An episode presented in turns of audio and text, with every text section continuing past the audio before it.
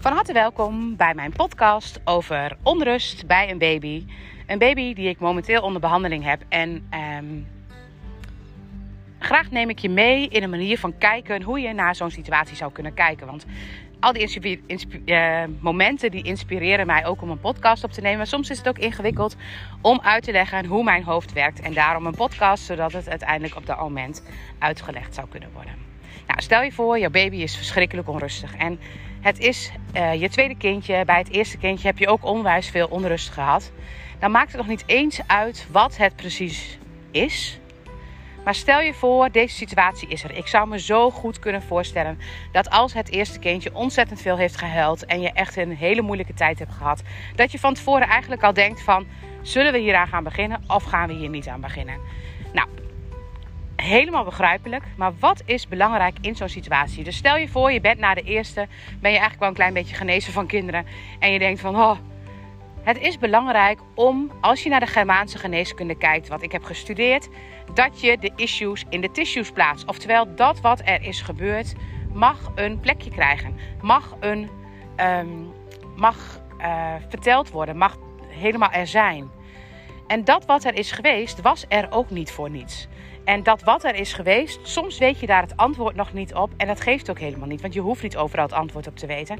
Maar het moment dat je weet dat je eigenlijk al voordat je begint aan de zwangerschap een soort van spanning zou kunnen hebben over van, nou, ik hoop maar dat het bij dit kindje anders is. Het kan toch niet anders dan dat het nu wel zo is. Oftewel, eigenlijk kan het niet want ik kan het niet handelen als het nog een keer eenzelfde situatie is. Dan heb je al een conflict. In de Germaanse geneeskunde kijk je altijd naar conflicten. Je kijkt altijd wat wil ik niet en wat wil ik wel. En het moment dat het neutraal is, dan trek je die trilling ook niet aan. Maar het moment dat je dus bij een eerste kindje wel een bepaalde onrust hebt gekend. en je vindt het eigenlijk wel spannend dat het weer zou gaan gebeuren. en dat brengt je ook meteen weer in een wiebel. dan zorgt het ervoor dat je eigenlijk al in een conflict zit. Een conflict waarbij je best een grotere kans hebt dat er al onrust is. Want als ik ergens naartoe ga en ik ga ergens neutraal naartoe, zonder ook maar enig thema. dan ga ik er naartoe en dan weet ik gewoon van, ik zie wat, ik, uh, wat er komt, is oké en ik ben neutraal. Maar het moment dat ik ergens naartoe ga en ik wel heel erg graag wil dat dit of dat er is, dan kan er zomaar een thema komen. Een thema van, oh, het is helemaal blij. Maar het kan ook een thema worden van een soort um, teleurstelling. Want er zit al een thema op de situatie. En het moment dat je gaat beginnen aan een baby of beginnen aan een kindje, is het belangrijk dat je voor jezelf onderzoekt wat, is, wat zijn allemaal mijn voorwaarden? Wat zijn allemaal de thema's? Nou, stel je voor, je hebt in je voorgeschiedenis een situatie gehad waarbij bijvoorbeeld een vriendin een doodgeboren kindje heeft gehad. Ik heb dit voorbeeld heb ik in mijn systeem. En toen ik dus zelf een kindje, toen ik zwanger was, toen bedacht ik mij, het kan zomaar zijn. En toevallig zit het ook nog in mijn familiesysteem. Dus automatisch, als vanzelf, ging ik erover nadenken, wat als dat zo zou zijn. Ik dekte me er al bijna voor in. Ik gaf die energie dus extra in mijn systeem mee. Aan mezelf, aan de situatie. En stel je voor, ik had er nog nooit van gehoord. Dan is dat ook helemaal niet wat er. Dan komt dat niet eens in me op. Het is een beetje hetzelfde wanneer je zwanger bent. Dat het wel lijkt alsof de hele wereld zwanger bent. Je ziet alleen maar zwangere buikjes. Nou, nu ben ik niet zwanger. Ik ben helemaal niet met zwangerschap bezig. En ik zie ze ook bijna niet meer. Het is net alsof je dat wat, je, wat er is, alsof je dat naar jezelf toetrekt. De wet van de aantrekkingskracht heet dat. Zo werkt het namelijk ook. En zo kun je ook uh, niet alleen nare situaties naar je toe trekken. Maar zo kun je eigenlijk alles naar je toe trekken. Maar ja, dat is dan een heel andere podcast. Dat is een hele andere situatie. Dat gaat over de universele wetten, waar ik ook een heel programma over heb.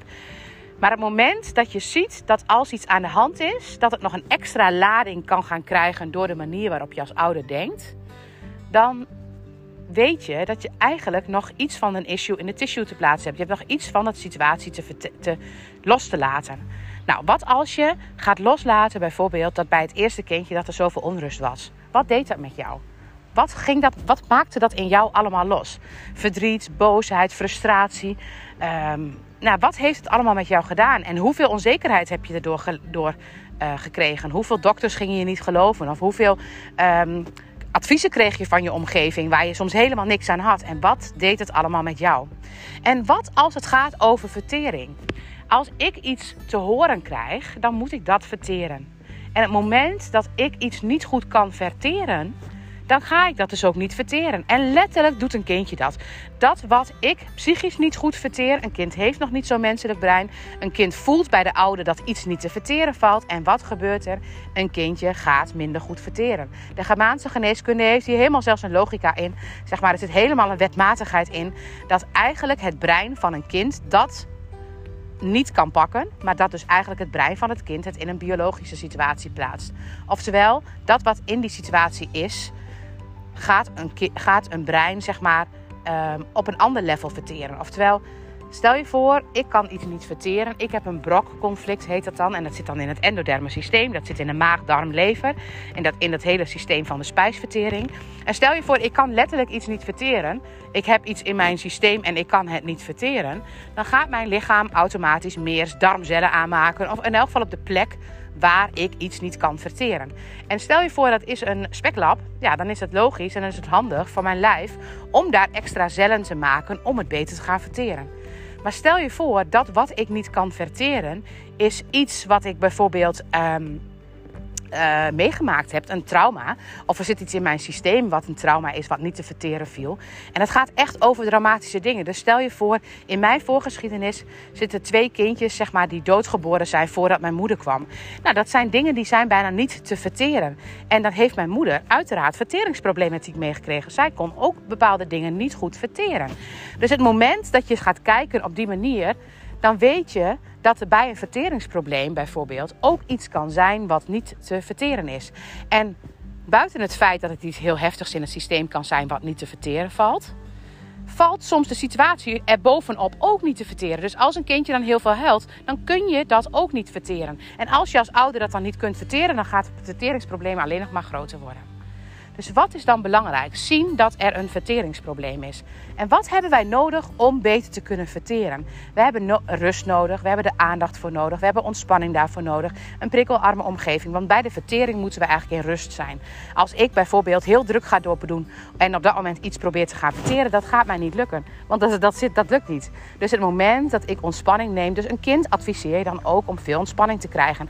En je geeft ze voeding die beter te verteren valt. Want stel je voor je zou voeding doen met ook nog zware eiwitten, dan wordt het ingewikkelder om het te verteren. Dus hoe lichter dan de vertering, hoe mooier het eigenlijk is.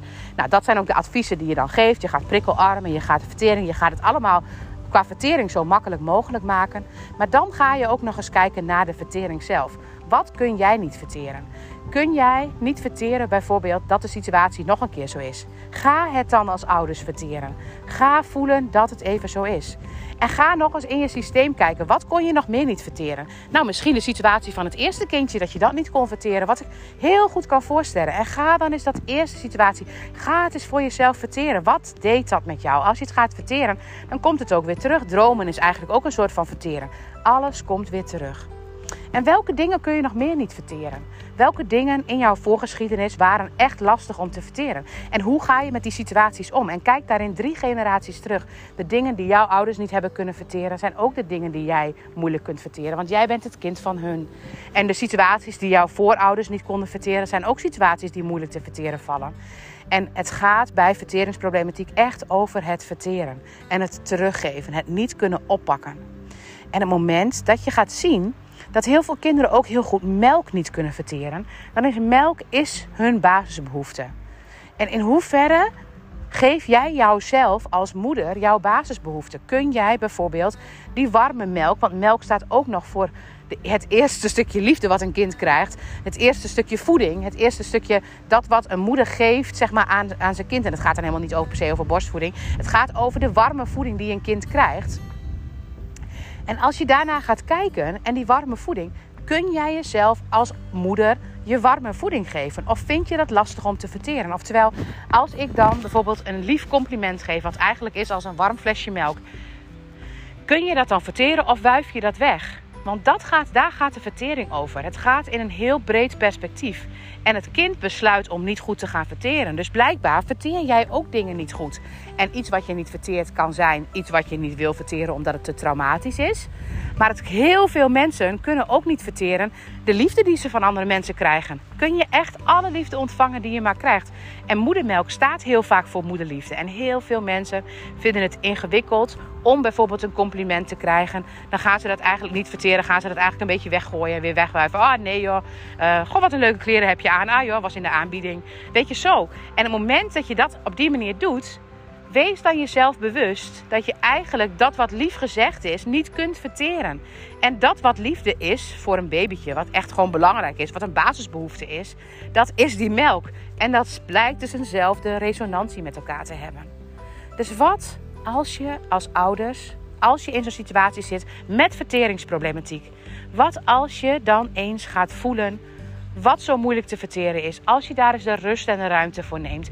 En als je dan ook eens kijkt van, maar wat gaat er dan wel goed en kan ik dat verteren? Want stel je voor, ik zou in een situatie zijn en ik zou het heel moeilijk vinden om mooie dingen te ontvangen. Nou, dan is het een verjaardag is natuurlijk echt niet te doen zo'n dag. Want dan krijg je allemaal cadeautjes. Nou, dan moet je de godganse dag alles van je afwuiven. Maar wat als je nou zo'n mooi kindje in de handen hebt? En kun jij dan verteren dat jij zo'n mooi kindje hebt? En kun jij verteren dat het helemaal goed gaat? Dat het helemaal voor jou is? En dat het echt helemaal voor jou is. Maar stel je voor, je hebt nog nooit iets echt durven ontvangen. Dan kun je dat bijna niet verteren. En wat als je dan als ouders eens gaat verteren? Is gaat pakken dat, en vooral als moeder, als je een klein, klein kindje nog hebt, is het heel vaak nog een moederresonantie. Pak dan eens dat jij dus moeder bent geworden van dat kindje. Verteer dat eens. Ontvang dat eens. Want het blijkt wel bijna, als het dan niet goed gaat, dat het dan bijna Ehm, je helpt, want dan hoef je ook het mooie niet te ontvangen. Soms is het zo mooi als je ziet dat we bijna het spannende vinden om mooie dingen te pakken dan de heftige dingen te pakken. Dat het soms makkelijker voor, is, voor ons is om te gaan klagen en te gaan zeuren dan te ontvangen hoe mooi bepaalde situaties zijn. Dus verteringsproblematiek, het is, ik maak het wellicht door middel van deze podcast nog veel breder maar zie dat het verteringsproblematiek is. Dat het iets is wat niet verteerd kan worden. En iets wat niet verteerd kan worden kan zijn dat iets heel heftig is. Maar soms ook niet alleen heftig naars. Maar heel vaak bij kleine babytjes gaat het over iets heftigs moois. Iets wat je zo graag wilde, waar je zo'n verlangen naar had. Maar wat je bijna niet kunt ontvangen. Zo mooi is het. Helaas hadden mijn kinderen zelf ook verteringsproblemen. En ik weet heel zeker dat ik dat niet in een mooie zin heb kunnen ontvangen. Dat ik niet helemaal durfde te pakken hoe mooi het was. Puur en alleen al omdat mijn moeder na twee doodgeboren kindjes de grootste wens van mijn oma was. Maar dat mijn oma dat bijna niet kon pakken. Want als ze dat ging pakken, zou ze het ook weer kunnen verliezen. Zoals ze dat met twee andere kindjes ook heeft gedaan. Dus dan voelt het veel makkelijker te verteren. Maar het is natuurlijk niet makkelijk te verteren. Als je het een beetje buiten jezelf houdt. En voeding buiten jezelf houden. Ja, dan krijg je reflux of dan krijg je darmkrampen. Want je darmen moeten het eigenlijk wel opnemen.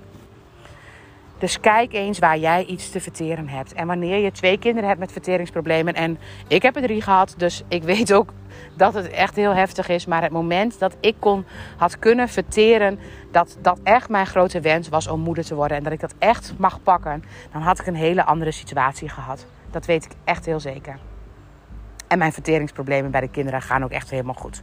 En dan weet ik nog niet zeker of ik zelf alles helemaal verteer. Maar ik weet wel zeker dat ik me er bewust van ben. En alleen al het bewustzijn een grote verandering gaat geven. Nou, ik hoop dat je deze podcast kunt verteren. En ik hoop dat je jezelf allerlekkerst toestaat wat er maar bestaat. En voor een kind is dat het allerlekkerste is gewoon melk. Gewoon lekkere warme melk. Maar het moment dat je het voor jezelf is, ga dan ook eens gewoon lekker een warm bad nemen. Een lekker momentje voor jezelf. Of misschien gewoon je baby op schoot en dan niet huilen, maar gewoon eens verteren dat jij met zo'n mooi kindje op schoot zit. En dat jij ehm, het jouw kind mag noemen. En dat het kind het, jou, dat het kind jouw moeder gaat noemen. Bijna onverteerbaar hoe mooi dat is. En bijna iets waar we niet bij stilstaan, maar waar we wel eens meer bij stil zouden mogen staan om de vertering te verbeteren van de kinderen. Dankjewel voor het luisteren.